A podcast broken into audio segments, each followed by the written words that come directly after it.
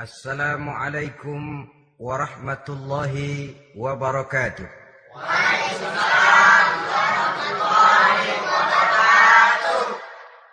بسم الله والحمد لله والصلاة والسلام على سيدنا رسول الله وعلى آله وصحبه ومن والاه لا حول ولا قوة إلا بالله أما بعد. Saudara-saudara kaum muslimin yang berbahagia. Di dalam kehidupan ini kita senantiasa mengambil iktibar, contoh dan teladan dari orang-orang sebelum kita. Itu sebabnya kepada baginda Nabi kita Muhammad sallallahu alaihi wasallam Allah Subhanahu wa taala menjelaskan cerita para nabi sebelum beliau dalam ayat "Tsumma naqussu 'alaika min amba'ir rusuli ma nusabbitu bihi fuadak." Demikianlah kami ceritakan kepadamu wahai Muhammad sebagian dari kisah para rasul-rasul sebelum kamu yang dengan itu akan memperkuat hatimu, meneguhkan keyakinanmu dan memantapkan pendirianmu. Inilah manfaatnya belajar dari sejarah. Jadi jangankan kita, baginda Nabi sendiri pun oleh Allah Subhanahu wa taala diceritakan sejarah para nabi sebelum beliau yang dimusuhi oleh umatnya, yang dicaci maki oleh kaumnya, yang terusir dari kampung halamannya, bahkan sampai ada yang terbunuh oleh umatnya. Itu seluruhnya merupakan iktibar manusabbitu bihi fuadak untuk memantapkan langkahmu meneguhkan keyakinanmu dan menguatkan pendirianmu menghadapi perjuangan ini. Sehubungan dengan itu, pada pertemuan kali ini Al-Fakir ingin menyampaikan satu cuplikan kecil dari kehidupan seorang sahabat utama baginda Nabi yaitu Sayyidina Umar ibn al-Khattab radhiyallahu an. Beliau adalah Umar bin Khattab bin Nufail bin Abdul Uzza dari suku Quraisy golongan Bani Adi. Perawakannya tinggi, kekar dan gagah melambangkan sifatnya yang pemberani, tegas dan tidak pernah kenal takut kepada siapa pun. Sebelum mendapat hidayah, Umar bin Khattab termasuk orang yang berdiri di barisan orang-orang yang memusuhi umat Islam. Ia terperangkap dalam tradisi jahiliyah di mana gemar berperang dan bermabuk-mabukan juga merupakan hal-hal yang pernah dilaksanakan dalam kehidupannya sebelum beliau masuk ke dalam agama Islam. Oleh karena itu, dalam kehidupan beragama, hidayah merupakan sesuatu yang penting bagaimanapun banyaknya dosa dan kesalahan yang telah dilakukan oleh seseorang, tidak seharusnya menyebabkan ia putus asa dari rahmah Allah. Sebaliknya, bagaimanapun banyak kebajikan dan kebaikan yang sudah dikerjakannya, tidak perlu membuat dia besar hati, puas, bangga, apalagi menjadi lalai karenanya. Sebab kita belum tahu akan bagaimana ujung perjalanan dari kehidupan kita ini. Saudara-saudara, kisahnya pun masuk Islam merupakan peristiwa yang menarik. Pada satu hari dengan pedang terhunus Umar bin Khattab menuju Darul Arqam, tempat di mana baginda Nabi biasa berkumpul dengan para sahabat. Melihat mukanya yang beringas, matanya yang nanar, orang sudah menyangka dan mengerti ini tentu akan terjadi pembunuhan. Dalam perjalanan menuju Darul Arqam, Umar bertemu dengan Nuaim bin Abdullah. Nuaim bertanya, ya Umar, mau ke mana ente? Mau membunuh itu, si murtad itu? Si murtad yang mana? Yang mana lagi? Itu yang memecah belah kita, yang menghina berhala-berhala kita, yang menjelek-jelekkan nenek moyang dan keturunan kita, Siapa lagi kalau bukan Muhammad? Kata Nuaim Umar, nggak salah. Tidak salah lagi. Salah Umar. Salah kenapa? Apa kamu nggak malu? Kamu mau pergi membunuh Muhammad. Sementara adikmu sendiri Fatimah, dia sudah termasuk salah seorang pengikut Muhammad. Mendengar ini, muka yang memang tadinya sudah marah, sudah marah dan merah, tambah jadi kelabu. Bukan main mangkalnya Umar bin Khattab. Orang lain dia musuhi, orang lain dia kejar-kejar. Ini malah adiknya sendiri menjadi pengikut dari baginda Nabi. Tidak jadi menuju Darul Arqam, dia berangkat ke rumah adiknya Fatimah.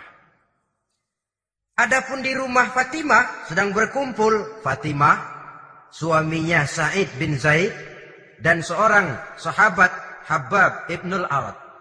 Mereka sedang membaca Quran. Waktu itu Quran belum lagi dijilid macam sekarang. Jadi masih merupakan suhuf atau lembaran-lembaran tercecer saja. Ketuk pintu. Ya tentu tidak assalamualaikum karena dia belum Islam. Tok, tok, tok. Siapa di luar? Umar. Mendengar suaranya saja. Ini sahabat yang namanya Habab Ibnul Arad sudah lari ke belakang pintu. Sambil komat kamit baca doa mohon diselamatkan oleh Allah. Adapun Fatimah yang sedang memegang suhuf lembaran tulisan Quran itu menyembunyikan suhuf itu di belakang bajunya. Umar masuk. Fatimah, saya bang.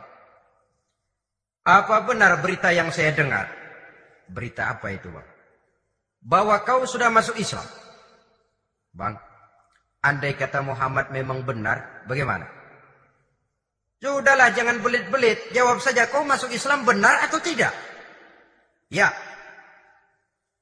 Saudara hadirin. Begitu dikatakan iya. Tangannya langsung melayang. Menampar muka adiknya ini. Sehingga mengalir darah dari hidungnya. Suaminya Said bin Zaid yang mencoba melindungi istrinya dipegang lehernya, dibanting, Diduduki dadanya. Oh ini jawara ini.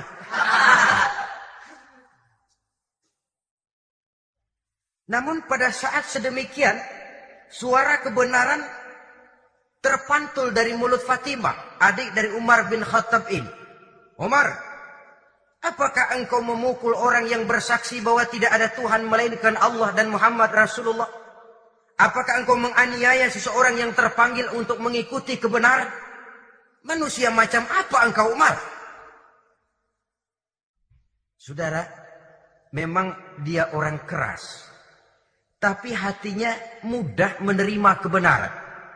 Sehingga mendengar kalimat adiknya ini tercenung dia sejenak. Melongok. Bengong kata anak sekarang. Ini kalau tidak karena keyakinan yang mantap, tidak mungkin orang ini anak adik saya ini bicara macam begini. Umar, mengapa engkau memukul orang yang bersaksi bahwa tidak ada Tuhan melainkan Allah dan Muhammad Rasulullah? Mengapa engkau pukul orang yang mengikuti kebenaran menerima hidayah dari Allah? Begitu yakin dan mantapnya walaupun di tengah satu hal yang sangat menakutkan. Siapa yang tidak takut orang Quraisy berhadapan dengan Umar bin Khattab? Yang dikenal sebagai singa padang pasir pada waktu itu. Malahan dia termasuk salah seorang jagoan di tradisi masyarakat jahiliyah itu ada satu pasar yang namanya pasar Ukaz. Tiap tahun di pasar itu diadakan pesta. Pertama pertandingan syair. Jadi penyair waktu itu jadi kebanggaan. Syair-syair yang menang itu digantung di dinding Ka'bah. Jadi setiap suku akan bangga kalau mempunyai ahli syair yang hebat. Nah, lalu diadakan juga lah perlombaan balap kuda, memanah, termasuk gulat. Lah Umar ini tiap kali pertarungan mesti menang. Belum pernah ada yang berhasil mengalahkan dia. Jawara. Saudara-saudara mendengar adiknya begitu mantap hatinya, Apalagi ketika adiknya berkata begitu, suhuf lembaran yang disembunyikan di belakang bajunya tersembul. Apa yang kau sembunyikan di balik bajumu itu? Suhuf. Apa suhuf itu? Lembaran Al-Quran. Coba saya lihat. Enggak boleh. Kenapa? Kamu kotor. Orang kotor tidak boleh megang Quran. Saya mau lihat. Enggak boleh. Kalau kamu mau lihat, mandi dulu. Diturutinya permintaan adiknya itu. Lalu diambilnya suhuf tadi. Dia baca. Kebetulan ayat yang dibacanya ayat pertama dari surah Toha yang berlanjut dengan ayat 14 pada surah yang sama. Dia baca. Bismillahirrahmanirrahim.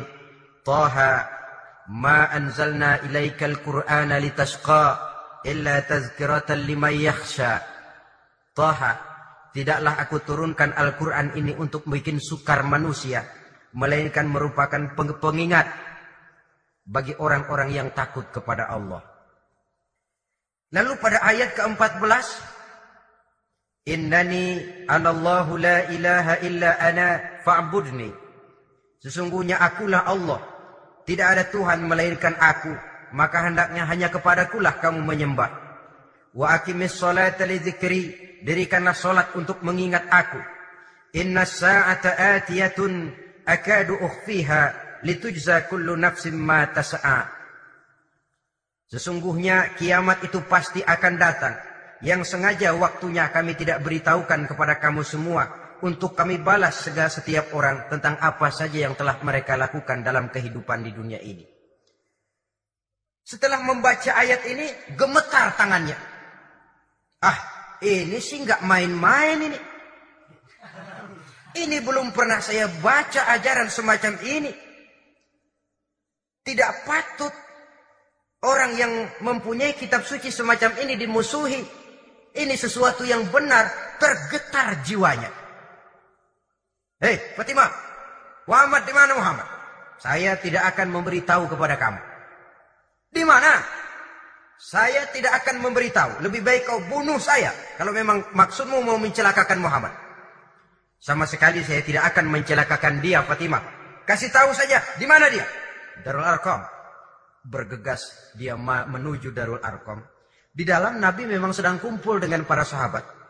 Termasuk ada Sayyidina Hamzah yang juga terkenal jawara juga. Ketuk pintu. Ketuk pintu. Siapa di luar? Umar. Di dalam ini geger sebagian sahabat. Umar datang ini pasti bencana. Umar datang, wah kalau istilah kampung, kerok dan urusan. Tapi baginda Nabi menenangkan mereka. Tenang. Mudah-mudahan ada hikmahnya. Sayyidina Hamzah tampil. Bukakan dia pintu. Kalau niatnya baik, kita terima.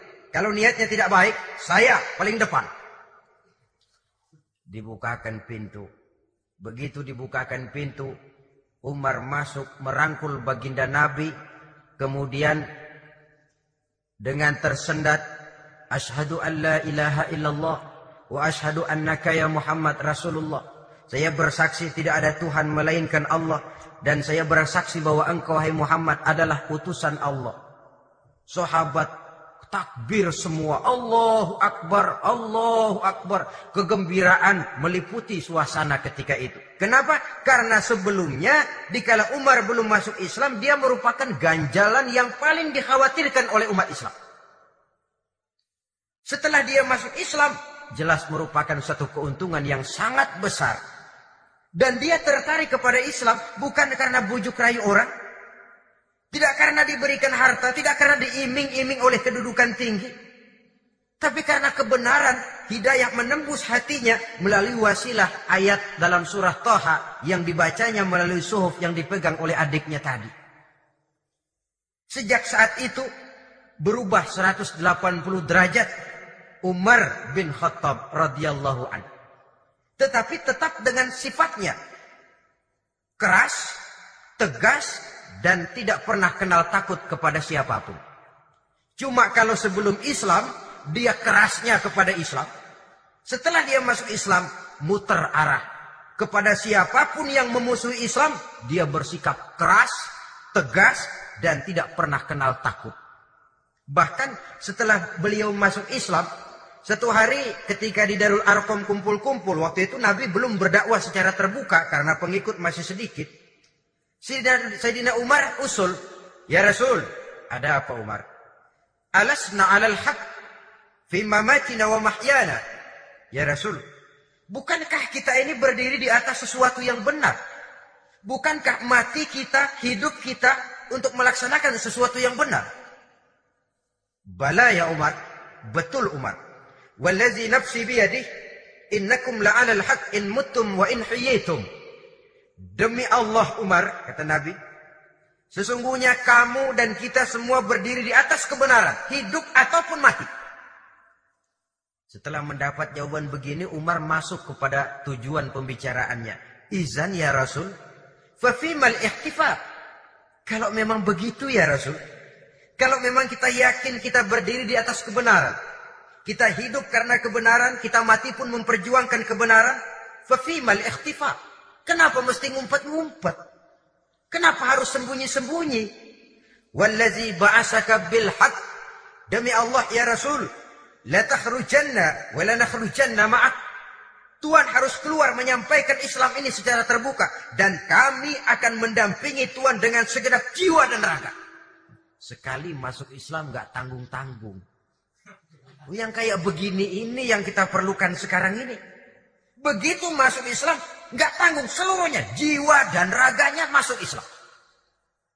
Beliau yang pertama kali mengajukan ide, kenapa harus dakwah sembunyi ya Rasul?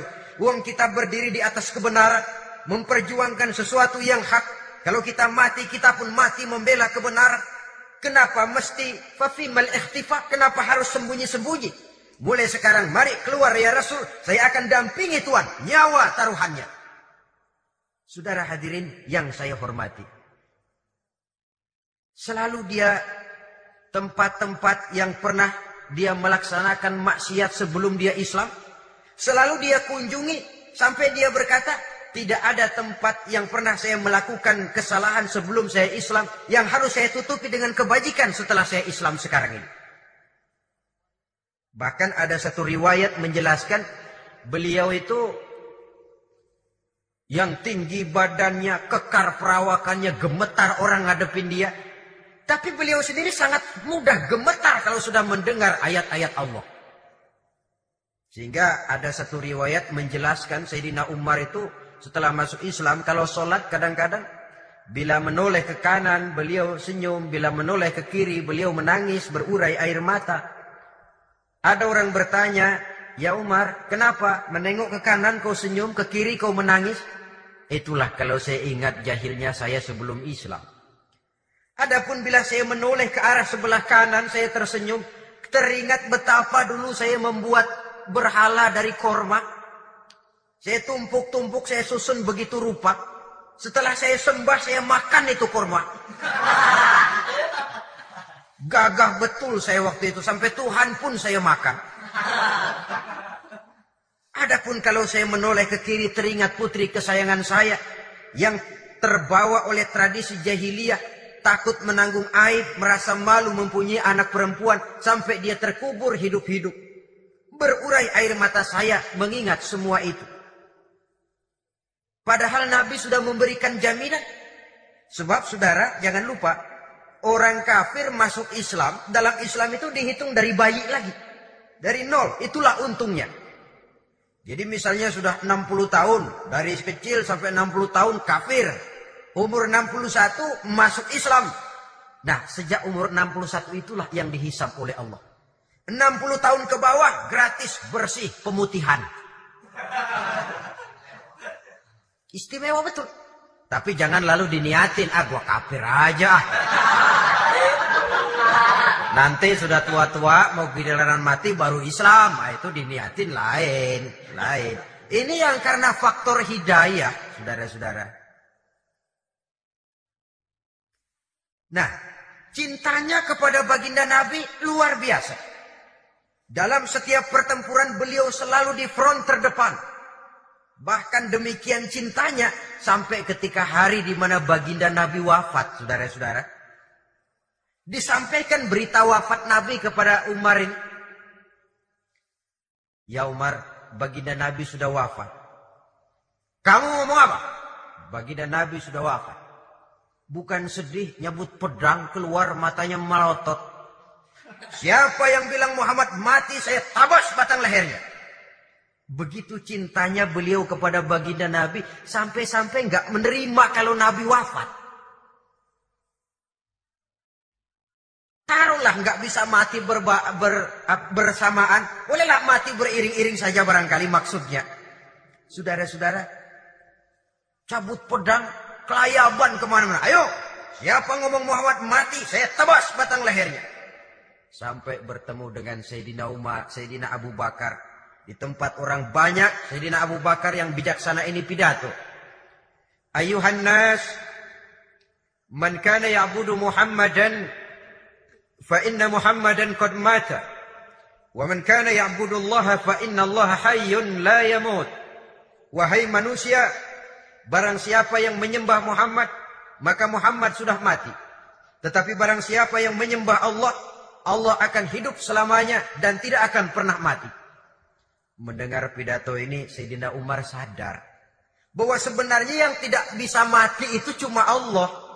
Bagaimanapun agungnya baginda Nabi, besarnya baginda Nabi, tinggi akhlak budi pekertinya Nabi, cintanya beliau kepada Nabi, toh Nabi manusia. Dan manusia harus mati. Kemudian dibacakan surah Ali Imran ayat 144. Wa ma Muhammadun illa rasul Qad khalat min qablihi rusul. Afa immata au qutilan qalabtum ala aqabikum. Muhammad tidak lain daripada manusia. Telah datang kepadanya Rasul. Apakah jika ia mati, engkau kembali menjadi murtad atau mundur ke belakang?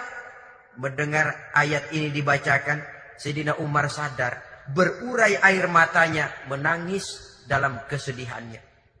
Ini cintanya yang demikian tinggi kepada baginda Rasulullah Sallallahu Alaihi Wasallam. Begitulah seluruh kesalahan yang dia lakukan pada saat sebelum dia masuk Islam berusaha dia tutupi dan dia tebus dengan segala kebaikan, pengabdian, perbuatan soleh setelah dia masuk Islam. Sehingga diajarkan oleh baginda Nabi ittaqillaha haitsu ma kunta wa atbi'i sayyi'atal hasanata tamhuha wa khaliqin nasa bi khuluqin hasanin. Bertakwalah kamu kepada Allah kata Nabi di mana pun saja kamu berada. Jadi takwa tidak kenal tempat. Di mana pun saja kamu berada bertakwalah kepada Allah. Di rumah takwa. Di pasar takwa di kantor takwa di tengah orang banyak takwa pada waktu sendirian takwa. Ittaqillaha haitsuma kunta. Bertakwalah kau kepada Allah di mana pun saja kamu berada. Jangan takwa pakai tempat. Di masjid takwa, di kantor nyolong. Itu tidak haitsuma kunta. Yang diajarkan oleh Nabi, di mana pun kamu berada, bertakwalah kepada Allah. Wa atbi'i sayyi'atal hasanah tamhuha dan iringi perbuatanmu yang salah dengan kebaikan. Jadi kalau satu saat terselip kita berbuat salah, cepat iringi dengan kebaikan, tamhuha dengan harapan kebaikan yang kita kerjakan akan menutupi dosa yang terselip kita lakukan. Ngomongin orang, astagfirullahaladzim. Banyak istighfar. Istighfarnya mudah-mudahan bisa nutupin dosa karena ngomongin orang. Tapi jangan lalu tambah sulap. Ngomongin orang istighfar. Terus ngomongin lagi istighfar lagi. Itu tentu tidak bisa dengan cara begitu. Barangkali terselip pernah mengambil harta orang tanpa alasan yang hak. Imbangi dengan rajin sodako misalnya. Barangkali pernah menyakiti hati orang. Imbangi dengan perbuatan yang bisa menyenangkan hati orang lain. Itu namanya mengiringi perbuatan yang bersifat salah dengan kebajikan. Ini yang dilakukan oleh Sayyidina Umar. Setiap pelosok hampir dia datang. Tempat-tempat di mana dia pernah melakukan kesalahan sebelum Islam. Di sana dia tegakkan kebajikan dan kebaikan. Kegagahannya, keperkasaannya, keberaniannya. Sepenuhnya bulat-bulat sudah diwakafkan untuk kepentingan Islam. Saudara hadirin yang saya hormati. Diperlukan orang-orang yang punya keberanian macam Sayyidina Umar. Berani karena panggilan hidayah. Bukan berani babi. Ber babi, berani juga babi. Cuman nyeruduk. artinya berani yang tanpa pertimbangan. Berani yang tanpa pertimbangan pada akhirnya akan menyulitkan kita sendiri. Beliau gagah, beliau berani, beliau punya kekuatan, beliau punya wewenang. Dan itu dimanfaatkannya untuk menjadi backing baginda Nabi kita Muhammad Sallallahu Alaihi Wasallam. La takhrujanna wa la nakhrujanna ya Rasul. Ya Rasul, keluar, sampaikan dakwah secara terbuka. Saya akan mendampingi Tuhan. Jika ada yang ganggu Tuhan, saya paling depan. Backing-backing yang mendampingi Rasul untuk menyampaikan risalah Islamiyah ini. Saudara hadirin yang saya hormati, wa khaliqin nasa bi khuluqin hasanin kata Nabi. Dan pergaulilah manusia dengan akhlak yang baik karena dengan ini kau bisa mengambil hati orang. Dalam hadis lain katakan innakum la tas'una an-nasa bi amwalikum walakin yasauhum minkum bastul wajhi wa husnul khuluq. Kamu tidak akan bisa menyenangkan orang banyak dengan hartamu tapi kamu bisa ambil hati mereka dengan budi pekerti yang luhur dan muka yang manis. Dengan harta belum tentu kita bisa menyenangkan semua orang. Tapi budi pekerti yang luhur, muka yang manis, itu yang akan bisa membuat kau menyenangkan orang banyak. Setelah baginda Rasul wafat, pernah ketika berkumpul Sayyidina Abu Bakar berkata kepada Sayyidina Umar, "Ya Umar, saya bayat kamu untuk menjadi khalifah." Jawab beliau, "Sayalah yang akan membaiat Tuhan." Tapi Anda lebih utama dari saya Umar. Keutamaan saya akan saya berikan kepada Tuhan untuk mendukung kekhalifahan Tuhan. Di sini kelihatan wataknya yang tidak ambisius. Gagah, berani, perkasa tapi tahu diri. Enggak nyelonong. Tidak menggunakan kekuasaannya, kegagahannya untuk maksud yang sewenang-wenang. Oleh karena itu setelah Sayyidina Abu Bakar wafat, beliau dilantik menjadi khalifah, keluarlah pidatonya yang terkenal. Ayuhan nas, inni qad wullitu alaikum, walastu bi khairikum. Hai manusia, Aku telah dipilih menjadi pemimpin kamu.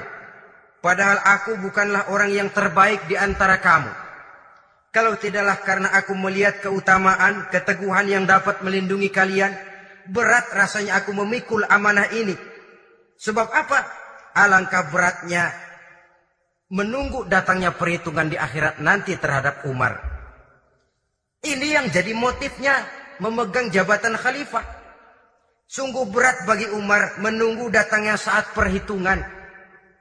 Sehingga seolah-olah kalau kalau bisa lah jadi Umar bin Khattab saja, jangan jadi khalifah kalau bisa. Tapi Moya umat sudah kadang memilih. Sehingga benar kalau dalam satu hadis Nabi pernah mengajarkan jangan memberikan satu jabatan kepada orang yang memintanya. Sebab orang kalau sudah minta jabatan, apalagi pakai jilat-jilat, pakai upeti-upeti tentu ada tendensinya. Ada batu di balik udang. Kalau udang di balik batu kan mungkin nggak kelihatan, tapi kalau batu di balik udang kelihatan betul itu. Ada maunya, ambisinya. Jangan memberikan satu jabatan kepada orang yang memintanya. Seakan di batinnya Sayyidina Umar menyesali. Kenapa Umar nggak jadi Umar saja, kok mau jadi khalifah gitu. Alangkah berat perhitungan buat saya di akhirat nanti. Nah, setelah jadi khalifah, sebagai satu i'tibar, saya akan mencoba mengemukakan beberapa sifatnya yang menonjol untuk pelajaran buat kita semua. Pertama, sikapnya terhadap keluarganya setelah beliau menjadi khalifah. Kedudukan sebagai keluarga Umar bin Khattab bukan merupakan kedudukan istimewa. Itu ditanamkan betul kepada keluarganya. Jangan karena bapakmu khalifah, lalu mentang-mentang anak khalifah kau merasa dapat fasilitas, merasa bisa berbuat semau-maumu, kau harus punya tanggung jawab dan beban moral, memberikan contoh yang lebih baik kepada rakyat. Ini yang ditekankan kepada keluarganya. Kalau beliau mau mengeluarkan undang-undang, undang-undang itu lebih dahulu dibicarakan di tengah keluarganya, kumpul anak-anaknya. Ini akan ada undang-undang begini. Siapa di antara kalian mau mentaati, persilahkan. Yang tidak pun persilahkan. Tapi saya ingatkan, kalau ada dari keluarga Umar yang melanggar peraturan yang saya keluarkan ini, saya akan menghukumnya dua kali lipat karena dia keluarga saya.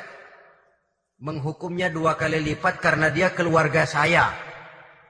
Jadi bukan mentang-mentang anak babe, lalu kebal hukum. Tidak.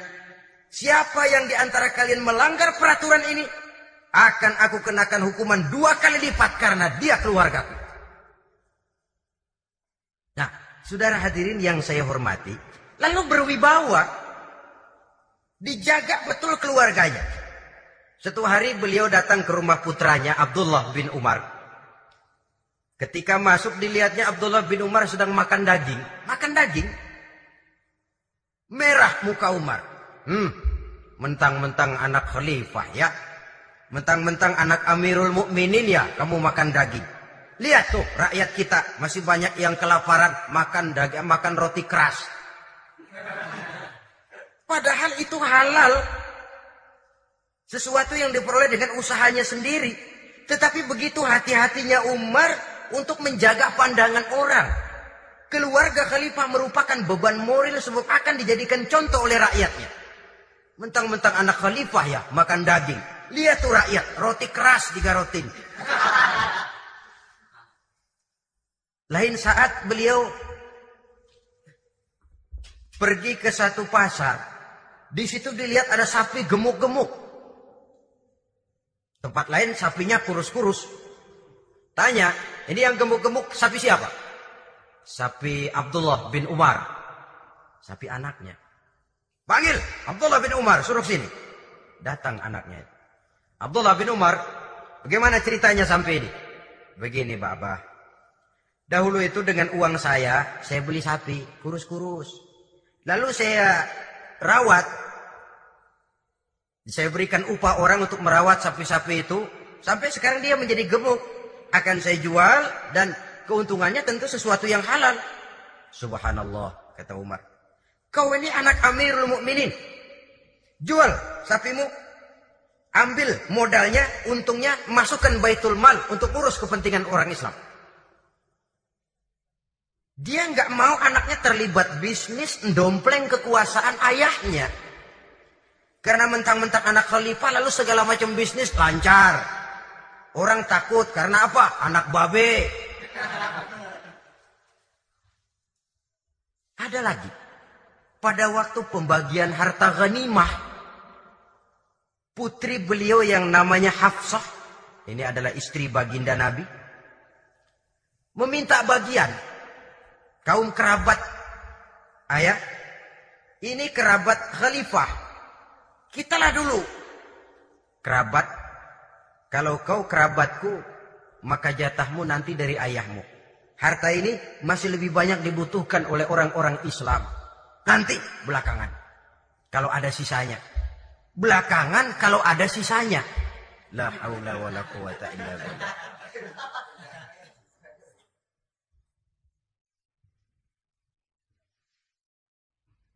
Saudara hadirin, itu terhadap keluarganya. Kemudian apa sifat-sifat yang menonjol dari kepemimpinannya? Pertama, kesederhanaannya. Beliaulah satu-satunya khalifah Amirul Mukminin setingkat presiden kalau sekarang yang punya jubah cuma dua dan satu pun punya anaknya. Tambelan lagi. Pernah sholat Jumat terlambat, Beliau naik mimbar untuk khutbah sebelumnya minta maaf dulu. Saudara-saudara maaf saya terlambat nungguin baju kering. Seorang khalifah nungguin baju kering. Sederhana dalam kehidupannya. Mari kita ambil satu cerita lagi. Pada waktu beliau jadi khalifah yang diangkat jadi gubernur di Mesir adalah Amr bin As. Amr bin As hidupnya lebih mirip kaisar. Istananya besar, pakaiannya bagus-bagus. Nah, yang paling mengganggu pikiran Amr bin As Di sebelah istananya ini ada gubuk reok kepunyaan orang Yahudi lagi. Ah, ini nggak pantas bener masa di samping istana gubernur ada gubuk reot. Orang Yahudi lagi yang punya. Ini mesti ah, udah bikin saja rencana, panggil dinas tata kota, bikin planning. Di sini mau dibangun masjid proyek negara. Bikin gambarnya, susun anggarannya, tender. Saudara-saudara, si Yahudi yang punya gubuk reot dipanggil. Yahudi, ada apa, Pak? Kamu tahu nggak? Enggak. Iya memang belum saya kasih tahu.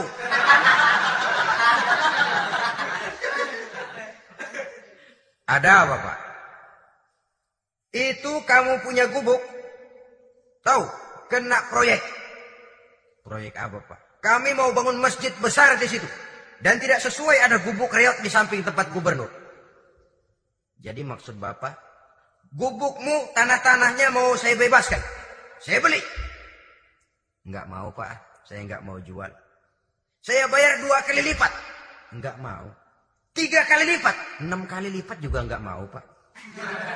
Oh saya dari muda peres keringat banting tulang cuma segitu-gitunya pak tempat saya tinggal. Gubuk reot sama tanahnya sedikit. Makmur saya pak cuma rumah sama sumur.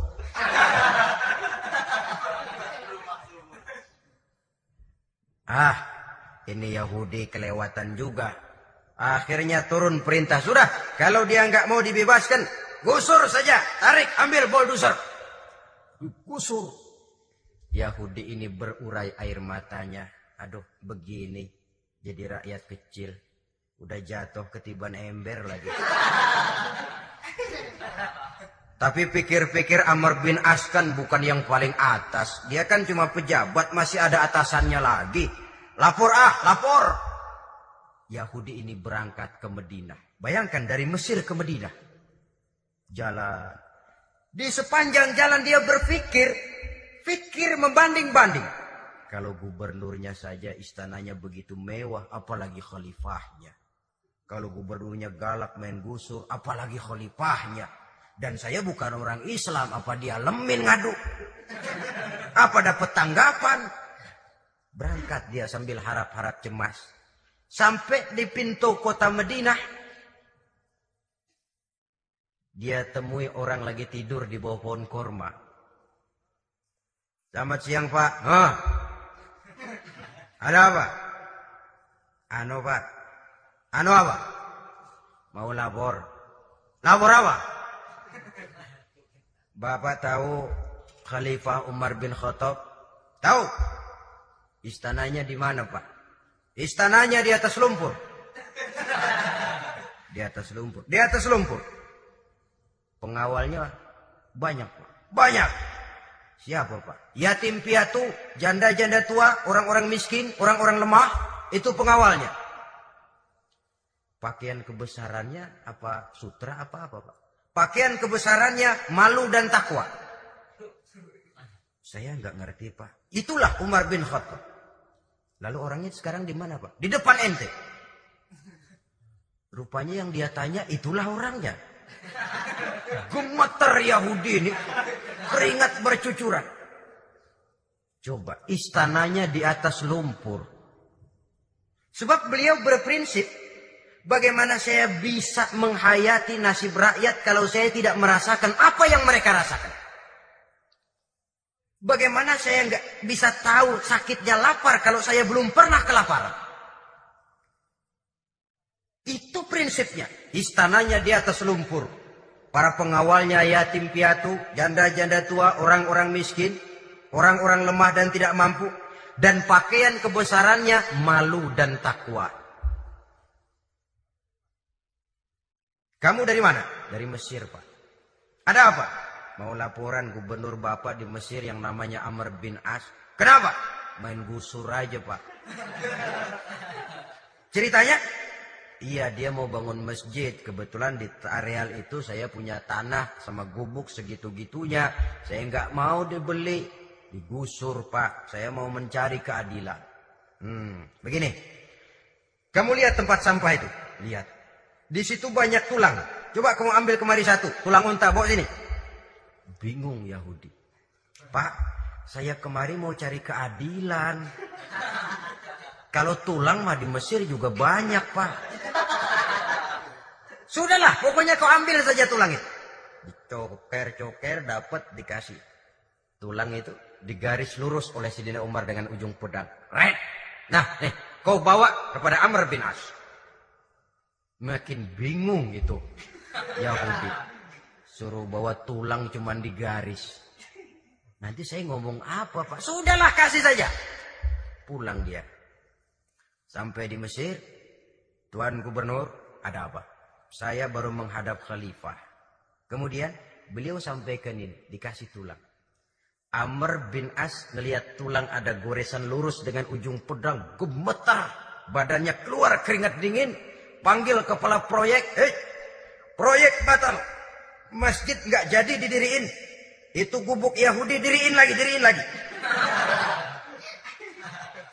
Ini Yahudi makin bengong. Ini gubernur dapat tulang doang segitu takutnya.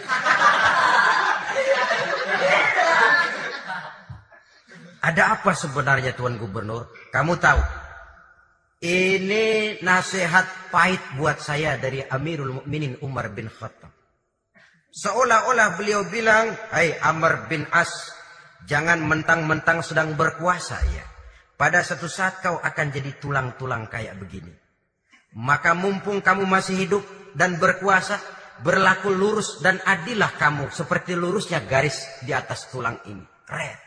Lurus, adil, jangan bengkok. Sebab kalau kamu bengkok, nanti aku yang luruskan pakai pedangku. Siapa yang nggak ngeper digituin. Sampai akhirnya apa? Kata si Yahudi, Pak, kalau begitu Islam adil ya. Adil. Kalau gitu biarin dah, Pak. Tanah saya. Mau kamu jual? Bukan saya jual, Pak. Saya kasih aja dah. Campur gubuk-gubuknya, ambil aja dah.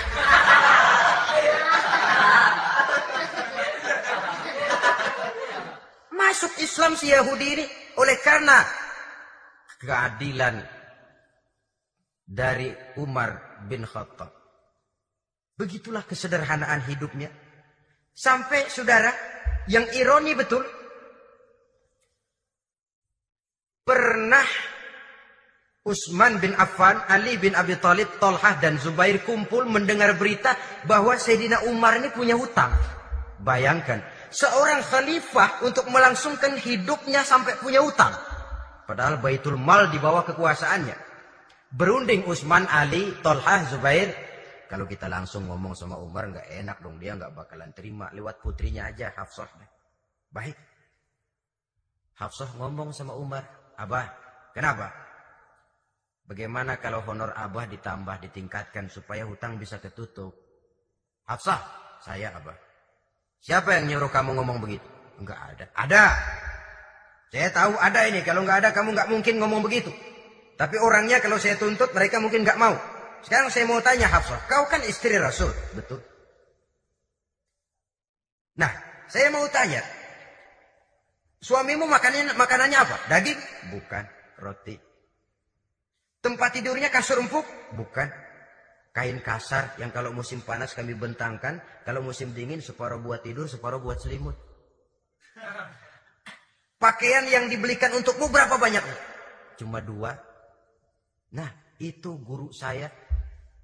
Orang yang paling saya cintai. Dan itu yang saya ikuti. Bahkan setelah beliau wafat. Sayyidina Umar ini.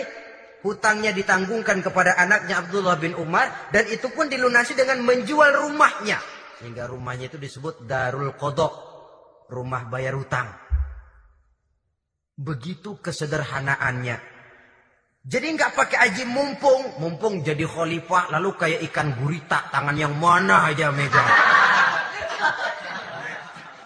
itu kan mental monyet. Monyet itu kan begitu. Tangan megang kiri kanan, mulut ngawal, kaki megang, temennya dikasih masih ngerampas juga. Monyet rakus betul itu. Itu kesederhanaannya. Kenapa kesederhanaan ini timbul? Karena sikap zuhudnya. Zuhud itu tarkud dunia li ajlil akhirah. Orang yang mengambil dunia hanya yang diperlukan dengan lebih mengutamakan kehidupan akhirat. Watak zuhudnya yang sangat menonjol. Dialah pahlawan yang paling berani di medan perang.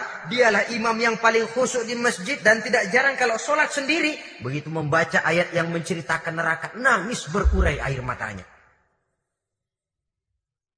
Saudara hadirin ma'asyiral muslimin rahimakumullah. Jadi kesederhanaan dan kezuhudan ini bukan lewat teori. Disampaikan oleh Umar, bukan lewat penataran seluruh aparat, tidak. Lewat contoh konkret, inilah saya, contoh sederhana dan zuhud.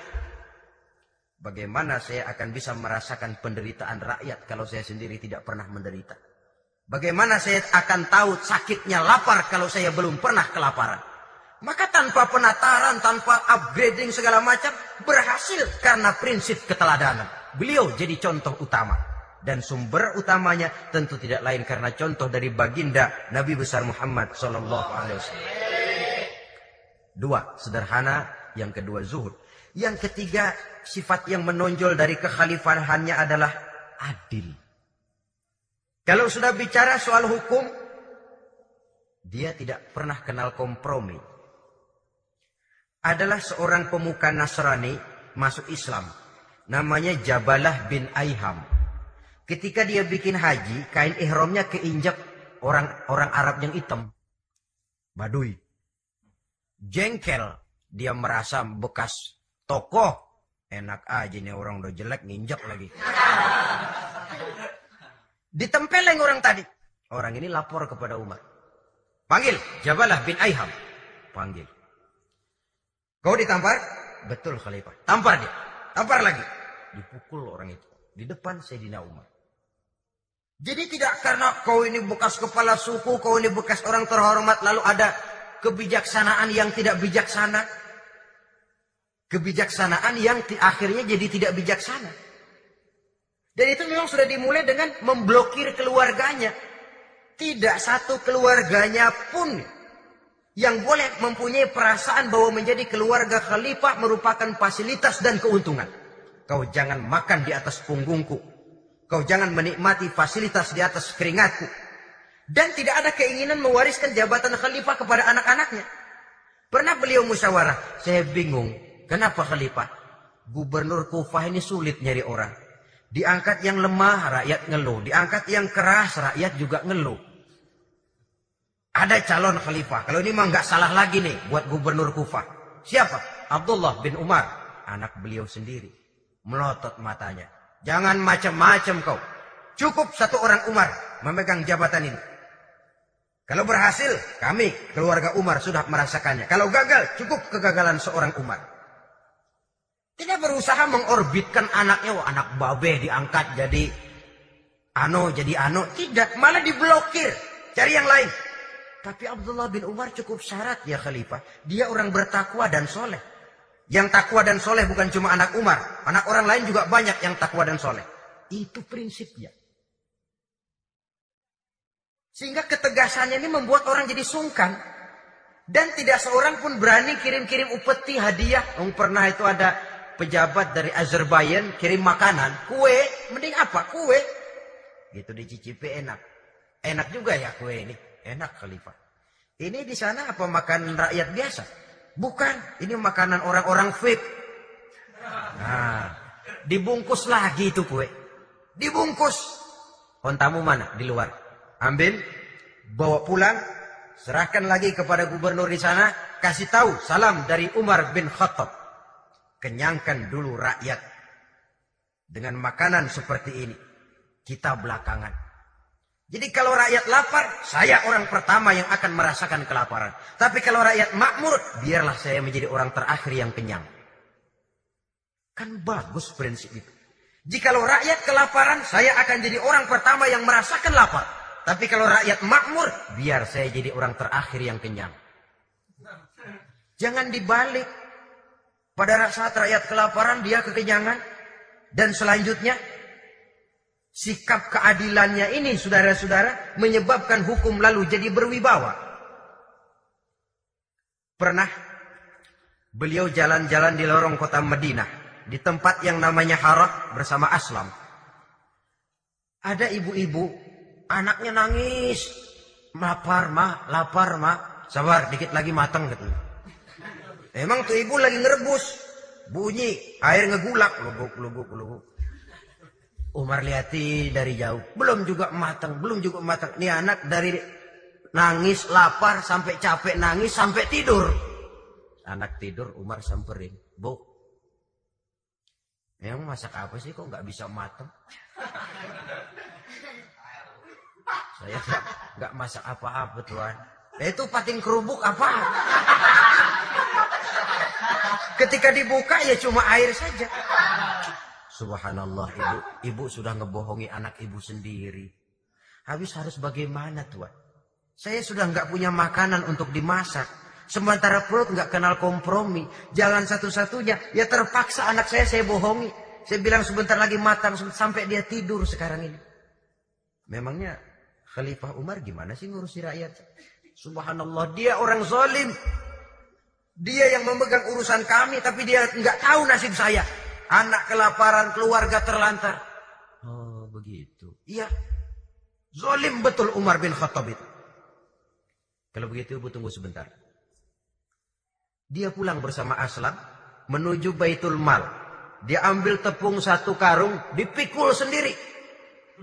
Dipikul sendiri kata Aslam, "Ya Khalifah, biar saya yang bawa." Jangan. Kenapa Khalifah? Apa kau kira kau sanggup mikul dosa saya di akhirat nanti? Biar saya yang mikul sendiri. Dia bawa ke tempat tuh ibu-ibu. Dia masakin sendiri. Nah bu sudah matang persilahkan masak. Makan. Alhamdulillah Tuhan.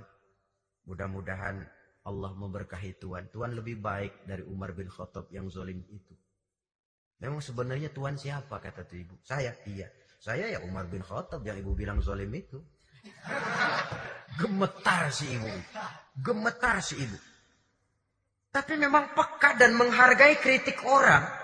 Tidak membungkam setiap orang yang nadanya sumbang atau berbeda. Kadang beliau berkata, saya khawatir karena orang terlalu segan dengan saya lalu nggak ada yang berani negor kalau saya salah. Kan begitu biasanya. Karena sudah terlalu segan lalu semuanya orang mau diaminin saja. Asal dibilang nggak benar marah, jengkel. Lalu disingkirin, maunya diiyain, ingge kulonowon. Oke bos, Beliau bilang saya khawatir kalau tidak ada orang yang mau menegur kesalahan saya jika saya terlanjur nanti. Eh tahu muncul orang. Demi Allah, saya akan menegur Tuhan dengan pedang saya ini. Cerah mukanya, senyum bibirnya. Alhamdulillah, anak muda. Saya memerlukan orang macam kau. Yang berani berkata iya terhadap yang benar dan tidak terhadap yang tidak benar, apa dan bagaimanapun resikonya. Di sini kelihatan sikap beliau menghadapi orang yang berbeda pendapat.